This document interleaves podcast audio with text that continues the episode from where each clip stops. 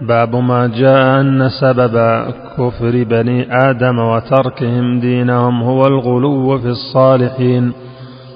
وقول الله عز وجل يا أهل الكتاب لا تغلوا في دينكم ولا تقولوا على الله إلا الحق. في الصحيح عن ابن عباس رضي الله عنهما في قول الله تعالى وقالوا لا تذرن آلهتكم ولا تذرن ودا ولا سواعا ولا يغوث ويعوق ونسرا.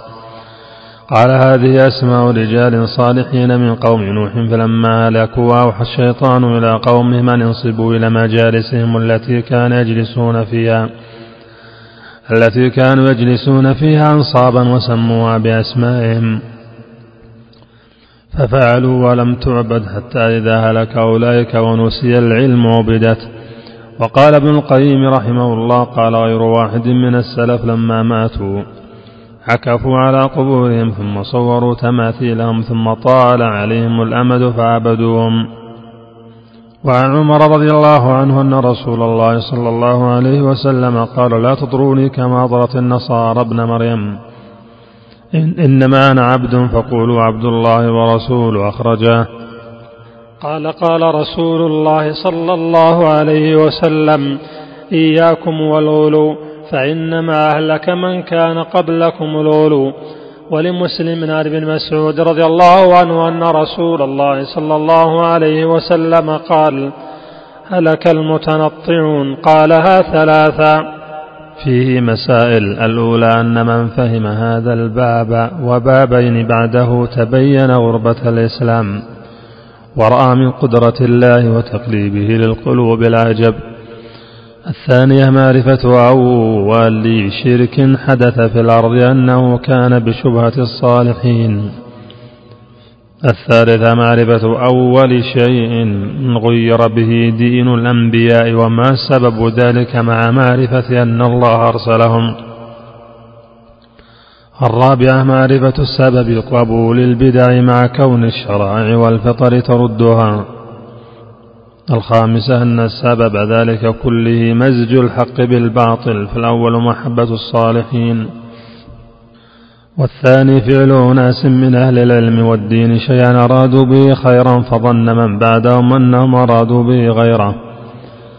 السادسة تفسير الآية التي في سورة نوح السابعة معرفة جبلة الآدمي في كون الحق ينقص في قلبه والباطل يزيد.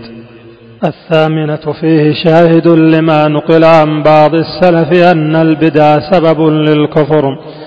وأنها أحب إلى إبليس من المعصية لأن المعصية يتاب منها والبدعة لا يتاب منها.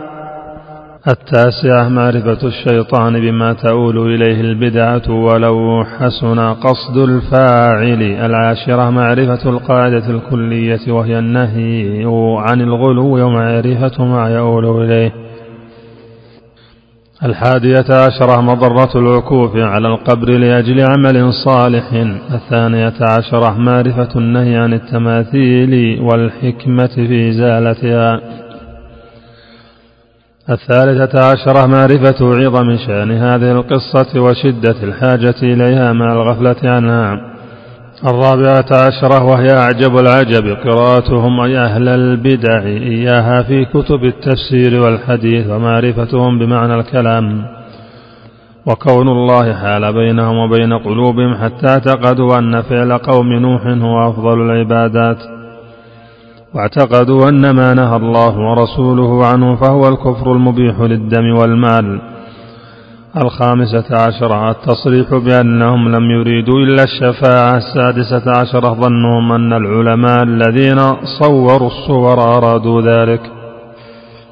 السابعة عشرة البيان العظيم في قوله لا تطروني كما أطرت النصارى ابن مريم فصلوات الله وسلامه على من بلغ البلاغ المبين. الثامنة عشرة نصيحته إيانا بهلاك المتنطعين. التاسعة عشرة التصريح بأنها لم تعبد حتى نسي العلم ففيها بيان معرفة قدر وجوده ومضرة فقده. العشرون أن السبب فقد العلم موت العلماء.